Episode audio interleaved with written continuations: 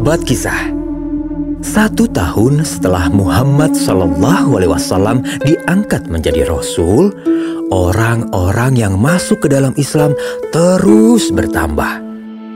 Nabi Muhammad Shallallahu Alaihi Wasallam mengajak mereka ke rumah beliau untuk mempelajari Islam secara sembunyi-sembunyi. Rumah beliau terletak di dekat Bukit Sofa, di sebelah utara Ka'bah Jarak antara rumah beliau dengan Ka'bah kira-kira 10 menit jalan kaki. Rumah beliau sangat sederhana. Tidak besar, tidak luas, dan tidak bagus. Nabi Muhammad Shallallahu Alaihi Wasallam tinggal bersama istrinya, Bunda Khadijah radhiyallahu anha, beserta anak-anak mereka yang ketika itu masih kecil-kecil. Mereka adalah Zainab, Rukoyah, Ummu Kulsum, dan Fatimah.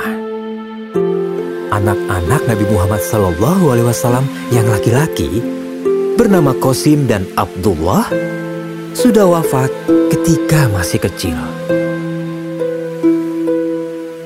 Sahabat kisah, pada masa dakwah secara sembunyi-sembunyi ini, jumlah kaum muslimin masih sangat sedikit dan lemah. Keadaan juga tidak aman karena bisa saja kaum kafir Quraisy menyakiti mereka. Jadi bagaimana caranya kaum muslimin sholat berjamaah? Jawabannya, kaum muslimin harus sholat dengan sembunyi-sembunyi. Kota Mekah itu berbukit-bukit, dan kaum muslimin sholat di balik bukit-bukit tersebut supaya tidak terlihat oleh kaum kafir Quraisy. Sahabat kisah, Suatu hari, seorang sahabat bernama Sa'ad bin Abi Waqqas diminta mengimami sholat para sahabat yang lain. Sa'ad bin Abi Waqqas adalah seorang pemuda yang baru berumur 17 tahun. Tubuhnya agak pendek, namun gagah perkasa. Kuat dan kekar, rambutnya keriting, dan kulitnya coklat. Sa'ad adalah pemuda yang cerdas, baik, berani, dan berasal dari keluarga terpandang. Kemudian saat berkata, Ayo saudara-saudaraku, kita berangkat ke balik bukit untuk melaksanakan sholat berjamaah. Sahabat-sahabat yang lain pasti telah berkumpul di sana. Dari sini kita berangkat berpencar agar tidak diketahui orang kafir.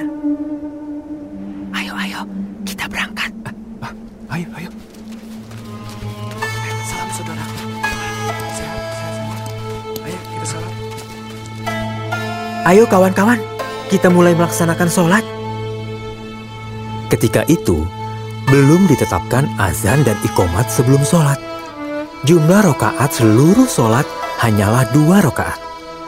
Belum ada yang tiga rokaat dan empat rokaat. Suara bacaan sholat pun tidak dikencangkan. Maka langsung saja saat mulai sholat sebagai imam. Allahu Akbar. بسم الله الرحمن الرحيم الحمد لله رب العالمين الرحمن الرحيم مالك يوم الدين الله أكبر سمع الله لمن حمده Salat berjalan dengan lancar, dengan suasana hikmat, sepi, tidak terdengar suara apapun kecuali suara saat sebagai imam dan suara angin bertiup pelan. Allahu Akbar. Bismillahirrahmanirrahim. Alhamdulillahirrahmanirrahim.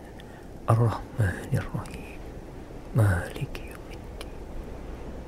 Namun, di tengah-tengah kehusyuan itu, terdengarlah suara langkah yang mengagetkan.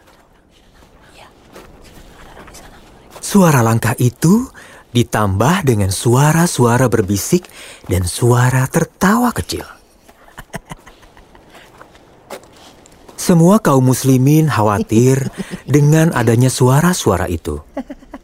Namun mereka belum bisa memeriksa suara apakah itu. Karena mereka sedang sholat. Sholat pun akhirnya selesai. Sa'ad bin Abi Waqqas mengucapkan salam. Assalamualaikum warahmatullah.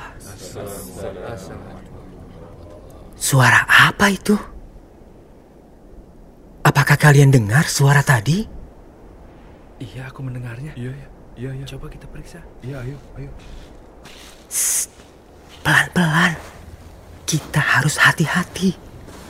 Sepertinya mereka bermaksud mengganggu kita. Ah, siapa ya mereka?